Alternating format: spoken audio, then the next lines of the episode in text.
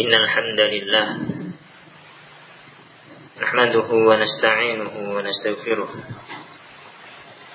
ونعوذ بالله من شرور أنفسنا وسيئات أعمالنا من يهده الله فلا مضل له ومن يضلل فلا هادي له وأشهد أن لا إله إلا الله وحده لا شريك له وأشهد أن محمدا عبده ورسوله لا نبي بعده أما بعد فإن أصدق الحديث كتاب الله وخير الهدي هدي محمد صلى الله عليه وسلم وشر الأمور محدثاتها فإن كل محدثة بدعة وكل بدعة ضلالة وكل ضلالة في النار Ikhwati fillah azzakumullah Melanjutkan daripada penjelasan Syekh Sa'di terkait dengan ayat yang ke-40 hingga 43 dari surat Al-Baqarah. Kita baca kembali ayatnya. Qala Allah Ta'ala ya bani Israil adhkuru ni'mati allati an'amtu 'alaikum wa awfu bi'ahdi ufi bi'ahdikum wa iyaya farhabun. Wahai bani Israel, ingatlah oleh kalian nikmatku atas kalian. Yang aku berikan kepada kalian nikmat tersebut. Serta penuhilah oleh kalian perjanjiannya denganku. Yang dijanji kalian kepada Allah Azza wa Jalla. Yang dengan itu jika kalian memenuhi janji kalian kepada Allah ufi bi ahdikum aku yang Allah Azza wa akan penuhi janjiku kepada kalian Wa iya ya farhabun dan tidaknya hanya kepadaku kalian merasa takut. Perjanjian yang Allah sebutkan di dalam ayat ke-40 dari surat Al-Baqarah ini dijelaskan dalam surat Al-Maidah ayat yang ke-12. Allah menyatakan walaqad akhadallahu mitsaqa bani Israil. Sungguh Allah telah mengambil sumpah perjanjian dengan Bani Israel. Wa ba'atna minhum 12 naqiba dan kami telah jadikan dari mereka 12 kabilah yang besar. Wa qala Allah dan Allah menyatakan inni ma'akum sungguh aku bersama kalian. Perjanjian yang Allah Subhanahu wa taala ambil kepada mereka Bani Israel adalah kalimat berikutnya ini. Lain aqamtumus sholata. Sungguh. Jika kalian menegakkan sholat. Wa ataitumuz zakata. Dan kalian tunaikan zakat. Wa amantum birusuli. Dan kalian beriman dengan rasul-rasulku. Wa azzartumuhum. Dan kalian membela mereka para rasul. Wa aqrabtumullaha qardan hasana dan kalian berikan pinjaman terbaik kepada Allah. La ankum sayyi'atikum. Itu perjanjiannya. Menegakkan sholat, menunaikan zakat, beriman dengan Rasul-Rasul Allah, membela mereka, dan memberikan pinjaman kepada Allah dengan pinjaman yang baik yang berbuat baik kepada hamba-hamba Allah berbuat ihsan kepada mereka dengan harta yang mereka miliki dengan itu Allah akan penuhi janjinya kepada mereka apa janji Allah la ukaffiranna ankum sayyi'atikum sungguh aku akan benar-benar hapuskan dari kalian kesalahan-kesalahan kalian. Wala udkhilannakum jannatin tajri min tahtihal anhar. Dan sungguh aku akan benar-benar masukkan kalian ke dalam surga-surga yang mengalir di bawahnya sungai-sungai. Faman kafara ba'da dzalika minkum faqad dhalla sawa sabil. Maka barang siapa yang kafir setelah itu, setelah perjanjian tersebut dari kalian, sungguh dia telah tersesat dari jalan yang lurus. Baik. Berkata saya Sa'di rahimahullah, "Tsumma amarahumullah bisabab al-hamil lahum 'ala al-wafa' bi Kemudian Allah perintahkan kepada mereka kepada Bani Israel dengan sebab yang akan membawa mereka untuk bisa menunaikan perjanjian tersebut. Isi perjanjiannya tadi telah disebutkan dalam surat Al-Maidah. Kemudian kembali kepada surat Al-Baqarah setelah Allah Subhanahu wa taala menyatakan aufu bi'ahdi ufi bi'ahdikum penuhilah oleh kalian perjanjiannya denganku aku akan penuhi perjanjianku dengan kalian kemudian Allah sebutkan sebab yang akan membawa mereka untuk bisa memenuhi janji. Apa itu? Wa huwa rahbah minhu ta'ala yaitu rasa takut kepada Allah tabaraka wa ta'ala. Rasa takut yang hanya diperuntukkan kepada Allah semata. Maka rasa takut tersebut akan membawa kepada iqamatus sholat. Menegakkan sholat di mana itu merupakan hak Allah. Perkara yang paling Allah cintai dari amalan-amalan hamba, perbuatan-perbuatan hamba. Kemudian menunaikan zakat.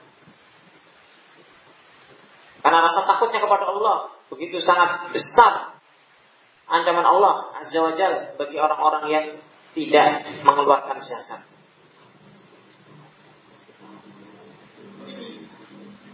Kemudian beriman kepada para rasul termasuk dan yang paling besar rasul yang paling mulia rasul penutup khatamul anbiya wal mursalin Muhammad sallallahu alaihi wasallam.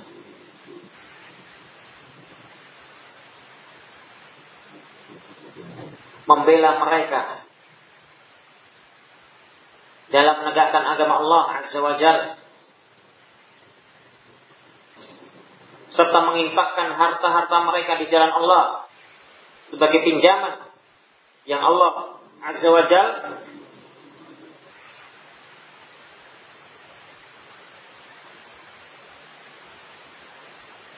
akan menggantikannya nanti di akhirat.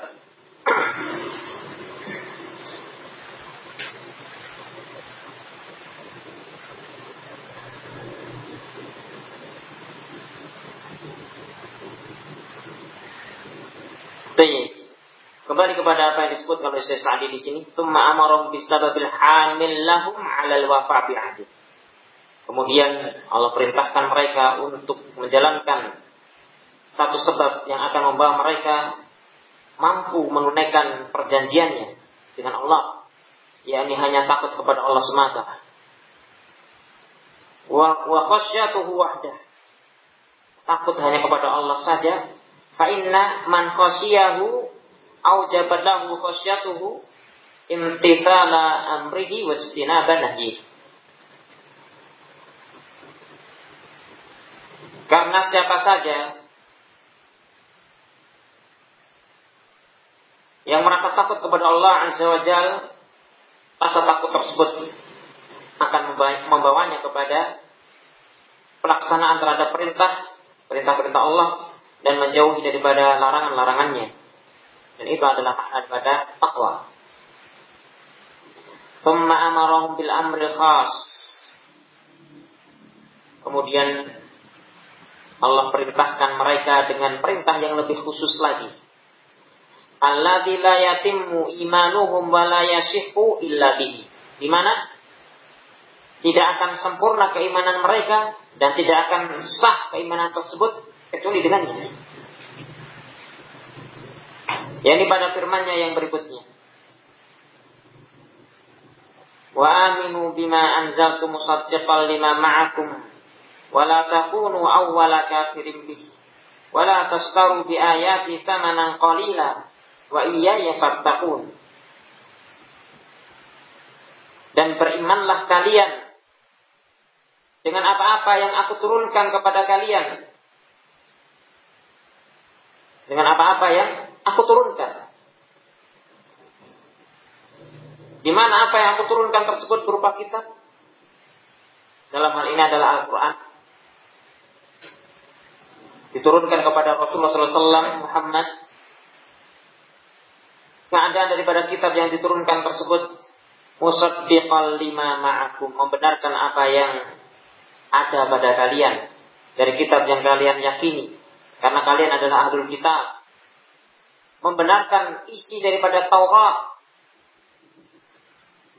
membenarkan isi daripada Injil. Awwala kafirin dan jangan kalian menjadi orang yang pertama kali kafir dengannya. Karena kalian adalah orang yang paling mengetahui akan kebenaran isi kitab tersebut. Kalian orang-orang yang diberi ilmu oleh Allah, diberi kitab yang sama kandungannya. Wala bi ayati tamanan qalila dan jangan kalian menjual ayat-ayatku dengan harga yang sedikit.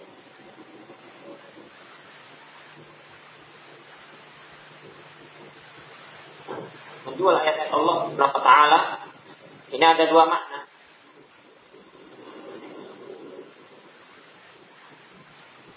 Sebagaimana insya Allah nanti akan disebutkan oleh Syekh Sa'di.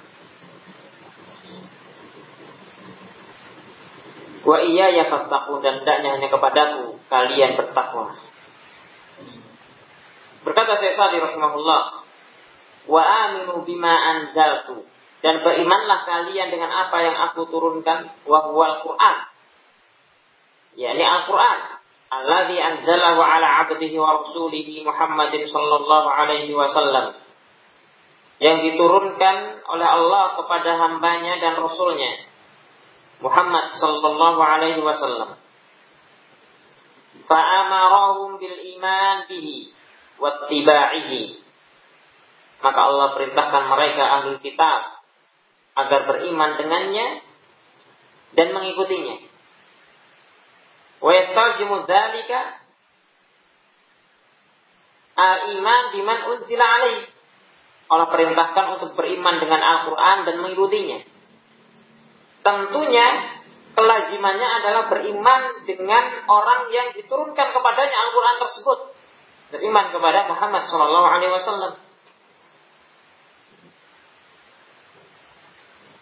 Wadakara ad-da'i imanihim bihi. Kemudian Allah Subhanahu wa taala menyebutkan perkara yang dengan itu akan membangkitkan keinginan mereka untuk beriman terhadap Al-Qur'an dan yang kepadanya diturunkan Al-Qur'an. Apa itu? Allah menyatakan musaddiqal lima ma'akum. Ini perkara yang tentunya akan membawa kepada terhasungnya mereka beriman terhadap Al-Quran. Karena apa yang ada dalam kandungan Al-Quran terdapat pada apa yang ada di dalam Taurat dan Injil. Kitab yang mereka imani dan percayai. Ay muwafiqan lahu la mukhalifan wala munafiqan yakni selaras serasi sesuai sepakat sama kandungannya dengan apa yang ada pada mereka. Tidak menyelisihinya apalagi bertolak belakang. Fa'idha kana muwafiqan lima ma'akum minal kutub ghair mukhalifin laha fala mani' lakum minal imani bihi Apabila demikian keadaannya sesuai dengan apa yang ada pada kalian,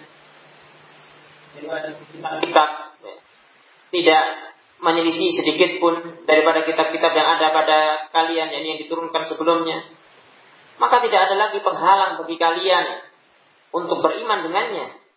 Li'annahu ja'a bima ja'at bihil mursalun.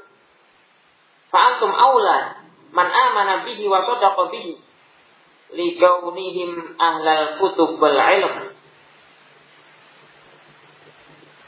Karena Al-Quran tersebut membawa sesuatu yang terbawa para rasul sebelumnya. Atau Rasulullah Shallallahu Alaihi Wasallam datang dengan membawa apa yang telah dibawa oleh para rasul sebelumnya. Maka kalian ahlul kitab adalah orang-orang yang tentunya paling berhak dan paling pantas dan yang paling patut untuk beriman dan membenarkannya. Karena kalian adalah ahlul kitab. Ada pada kalian alkitab. Kitab dari Allah Azza wa Jalla. Dan kalian ahlul ilm. Dibandingkan umat-umat yang lain.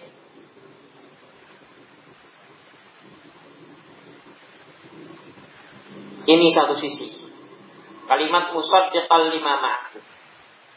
yakni membawa hasungan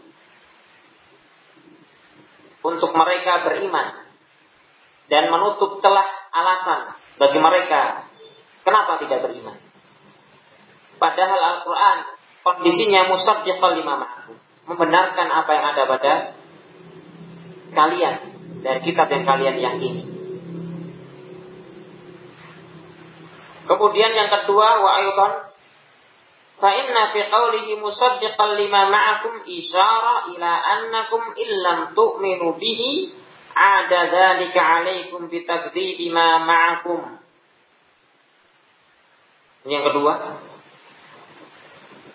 bahwasannya kalimat musaddiqan lima ma'akum membenarkan apa yang ada pada kalian kalimat ini di samping itu merupakan hasungan tadi ya sesuatu yang akan membawa kepada ghirah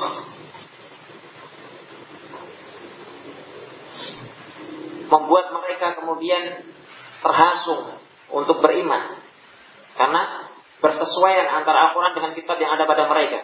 Yang kedua, bahwa kalimat ini isyarat, ya, kalimat ya kalimat ma'akum. Membenarkan apa yang ada pada kalian. Ini adalah isyarat bahwasanya kalian jika kalian tidak beriman dengannya, hal itu konsekuensinya kembali kepada kalian bahwasanya kalian pun mendustakan apa yang telah ada pada diri kalian. Karena isinya sama. Tidak ada perbedaan antara Al-Quran dengan kitab Taurat dan Injil. Datang dari satu sumber yang sama. Dan Al-Quran pun membenarkan apa-apa yang diberitakan oleh At-Taurat dan membenarkan apa-apa yang diberitakan oleh Al-Injil. Kalau kemudian Al-Quran didustakan, berarti sama halnya mereka mendustakan apa yang ada pada diri mereka. Mereka pun telah ingkar dan kafir terhadap kitab yang mereka pegangi tersebut.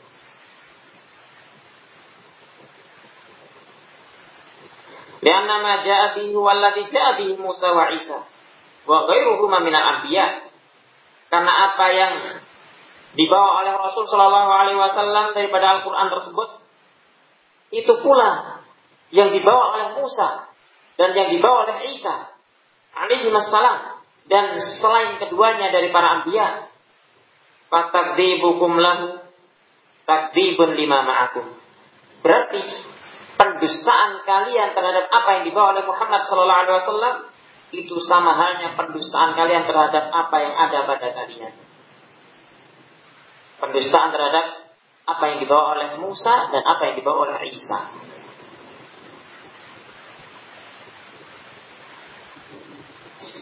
Kemudian yang ketiga, wa aidan fa inna fil kutub allati bi aidikum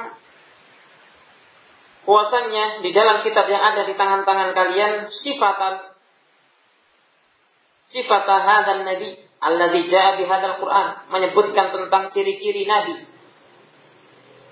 Yang akan datang membawa Al-Qur'an. Wal bisyarah bihi dan memberitakan berita gembira tersebut akan datangnya seorang juru selamat. Bahasa mereka. Juru selamat.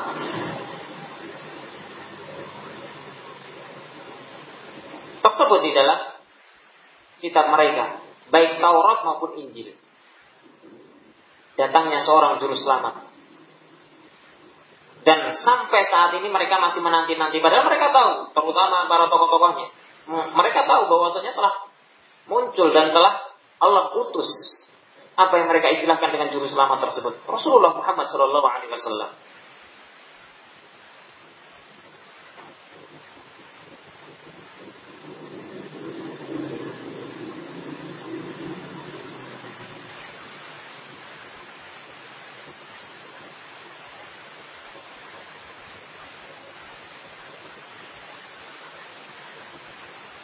Isa menyatakan mubasyiran di rasulin ya'ti min memberitakan berita gembira dengan adanya seorang rasul yang datang setelahku nanti. Ismuhu Ahmad. Namanya Ahmad. Dan beliau jelaskan ciri-cirinya.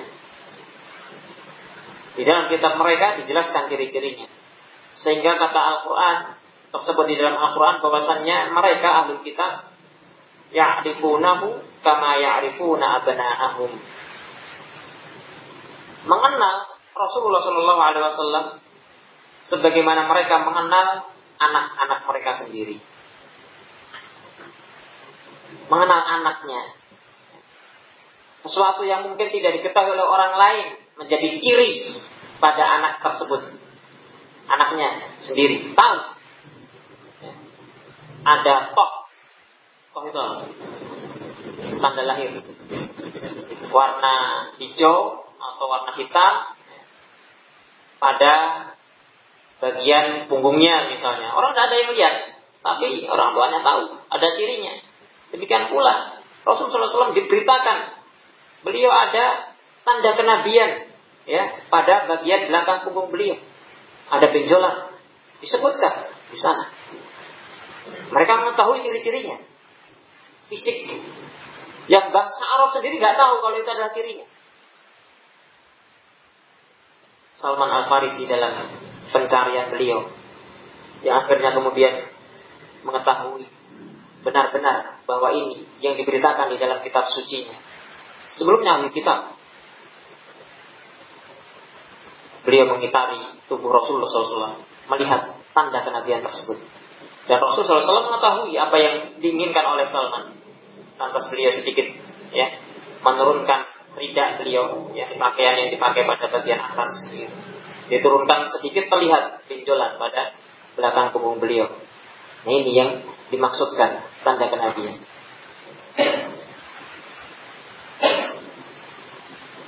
Mengetahui banyak daripada ciri-ciri tersebut dan mereka pun datang kepada Rasul SAW mempertanyakan untuk membuktikan kebenaran daripada ciri-ciri tersebut dan semuanya ada pada Rasul Shallallahu Alaihi Wasallam. Akan tetapi mereka memang umat pembangkang. Dengan itu tetap mereka tidak kemudian menjadi beriman. Selain daripada segelintir orang di kalangan Bani Israel pada masa tersebut.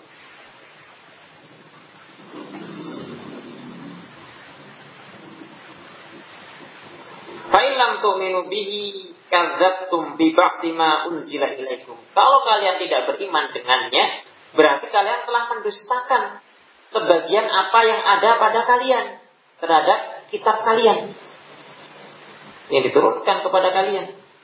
Wa man kadzdzaba bi ba'di ma unzila ilaih faqad kadzdzaba bi jami'i. Dan barang siapa yang mendustakan sebagian apa yang diturunkan kepadanya, maka sungguh dia telah mendustakan keseluruhannya.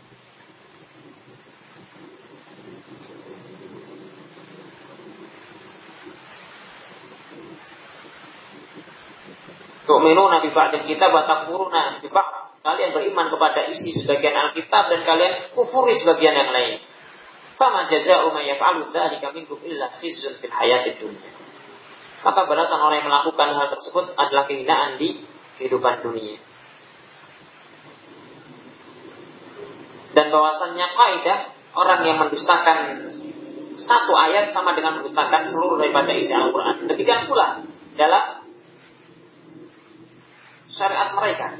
Alul kita mereka mendustakan sebagiannya sama dengan mendustakan keseluruhannya. Kenapa? Karena tidak ada bedanya antara sebagian dengan yang lainnya. Sama-sama datangnya dari Allah Azza wa Jal. Maka mendustakan sebagiannya sama dengan mendustakan keseluruhannya. Sebagaimana mendustakan satu Rasul sama dengan mendustakan seluruh daripada Rasul-Rasul utusan Allah. Karena satu Rasul ini yang mengutus adalah Allah. Jika kalian mendustakannya, berarti Rasul-Rasul yang lain pun kalian dustakan. Maka pada hakikatnya, orang yang beriman dengan Isa, tidak beriman dengan Muhammad, sama dengan tidak beriman dengan Isa pula. Dan tidak beriman dengan Rasul-Rasul yang lainnya.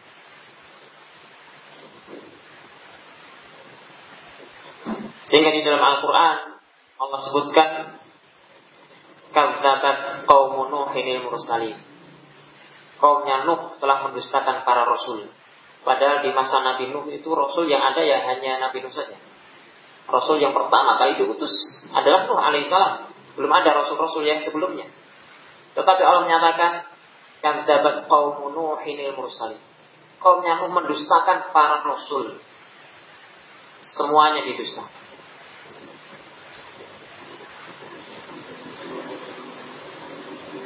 Kama anna man kafara bi rasul bi rasulin yani bi rasulin wahidin faqad kadzdzaba ar-rusul jami'ahum.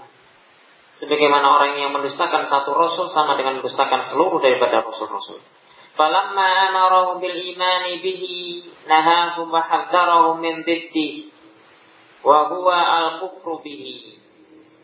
Setelah kemudian Allah perintahkan beriman dengannya dan melarang beriman dengan Allah Subhanahu wa taala kemudian Allah larang mereka dan memperingatkan mereka dari lawannya, lawan daripada keimanan, yaitu kekufuran.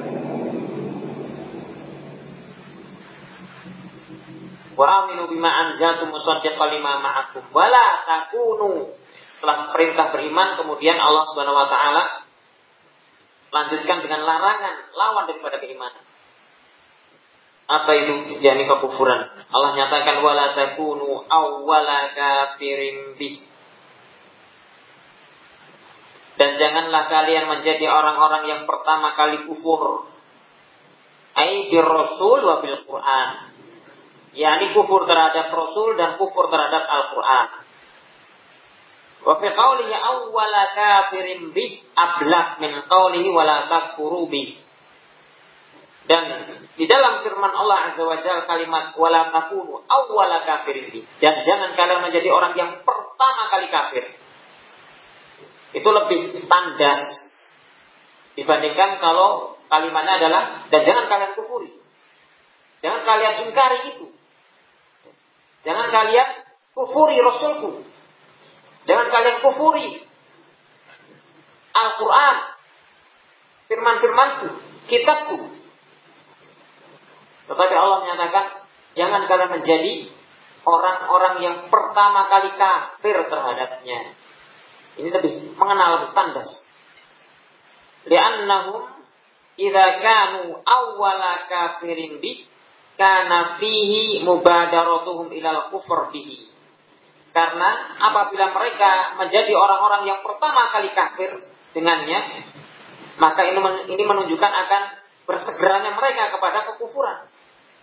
Aksuma yang bagi minhum, yakni sesuatu yang berkebalikan dengan apa yang sepatutnya mereka lakukan, sepantasnya mereka lakukan.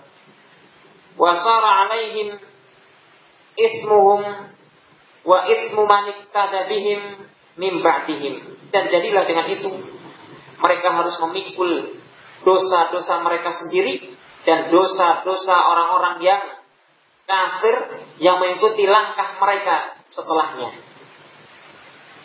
Jadi sangat berat sekali ya, konsekuensi kekufuran yang mereka lakukan. Terlebih mereka menjadi orang-orang yang pertama kali kafir. Fana'udzubillah. Mereka harus memikul dosa-dosa mereka dengan kekufurannya dan dosa-dosa orang yang mengikuti jalan mereka. Terlebih mereka berusaha dengan sekuat tenaga melalui berbagai macam propaganda-propaganda. Mereka kerahkan seluruh daya upaya dengan berbagai macam media sampai saat ini. Biasa untuk menyesatkan manusia dari jalan Allah Azza wa Jalla.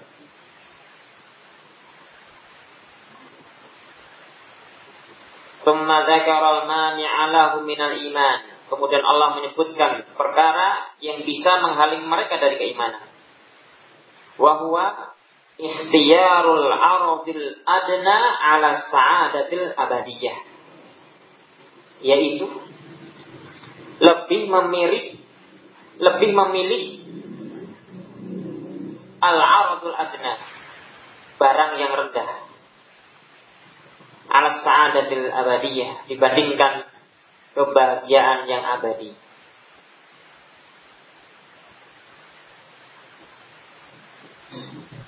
Keuntungan yang sedikit yakni kehidupan dunia.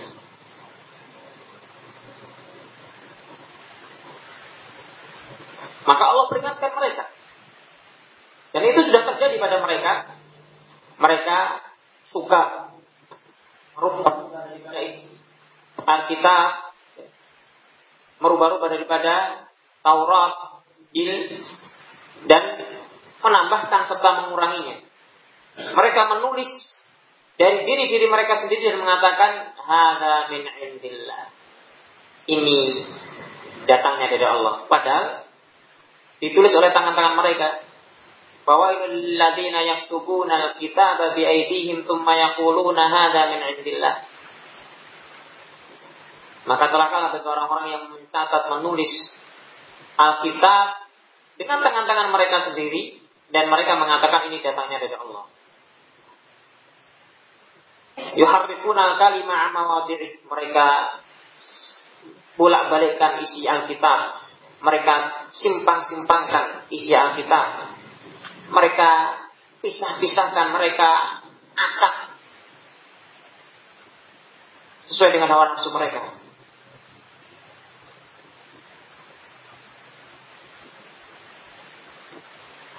Mereka pindah-pindahkan dari tempatnya. Disuruh mengucapkan hittah menjadi hintoh. Nah, ini kebiasaan eh, orang-orang eh, Yahudi memutar lidah atau apa bahasanya? Riful kalim. Kalimat-kalimat disimpangkan. Hittah itu artinya kalau kita hufrat begitu, minta ampunan. Hittah. Ampunilah kami, artinya begitu. Tetapi mereka ganti dengan hintoh.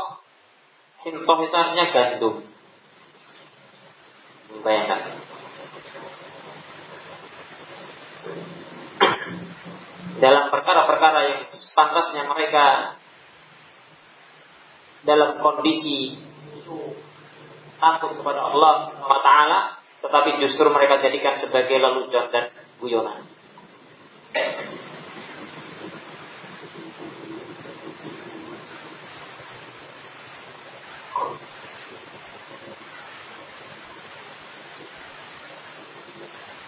Allah menyatakan wala tastaru bi ayati thamanan qalila dan janganlah kalian menjual ayat-ayatku dengan harga yang sedikit. Wa huwa ma yahsul lahum minal manasib wal ma'akil, yaitu yang disebut dengan tamanan qalila tersebut apa yang mereka hasilkan, apa yang mereka dapatkan berupa kedudukan dan ma'akil mendapatkan keuntungan makanan allati yatawahamuna inqita'aha in amanu billahi wa rasulih. Di mana mereka memiliki anggapan bahwasannya kedudukan tersebut akan hilang, akan bergeser dari mereka, atau keuntungan-keuntungan duniawiyah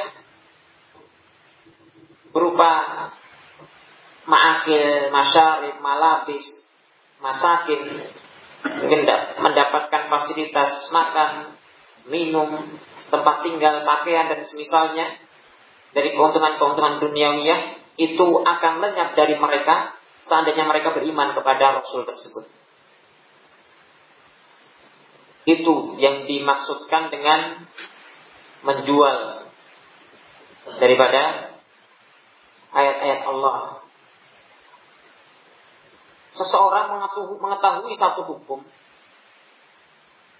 di saat ditanya tentang hukum tersebut dia tidak berani menjawab karena khawatir. Kalau nanti ditanya dan dijawab sesuai dengan pengetahuan dia, maka dia tidak lagi dipakai nanti. Putus maisahnya.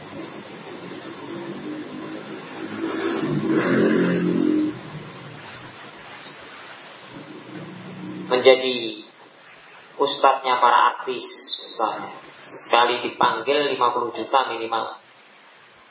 Ya kan? Ditanya tentang hukum ini, hukum itu. Ini kalau dijawab perkara-perkara seperti ini bisa tidak dipanggil lagi nanti. Ini namanya menjual ayat-ayat Allah dengan harga segitu. Tidak menyampaikan apa yang harusnya disampaikan.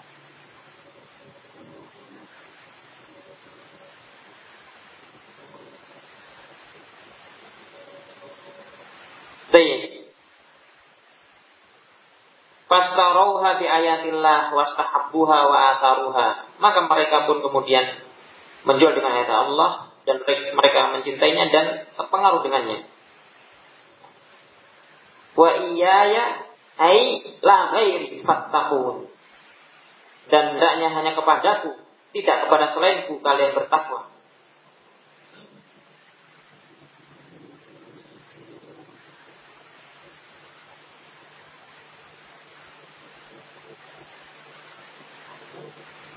fa innakum idza idza taqaitumullah wahda aujabat lakum taqwa. Taqdim al-iman bi ayatihi ala thamanil qalil. Kama annakum idza ikhtartum as-thaman al-qalil fa huwa dalilun ala tarafful taqwa min qulubikum. Karena sunnah kalian jika kalian hanya bertakwa kepada Allah semata maka takwa kalian tersebut akan membawa kepada sikap takdimal iman, lebih mendahulukan iman terhadap ayat-ayatnya dibandingkan hanya keuntungan yang sedikit tadi. Sebagaimana kalian, jika kalian justru lebih mementingkan keuntungan yang sedikit tadi itu, maka itu merupakan dalil akan telah safarnya takwa kalian dari hati-hati kalian. Takwa safar, jadi pergi dia hilang. Ya. Takwanya melakukan rihlah. Jadi berpindahnya takwa kalian bergeser dan hilang dari hati-hati kalian.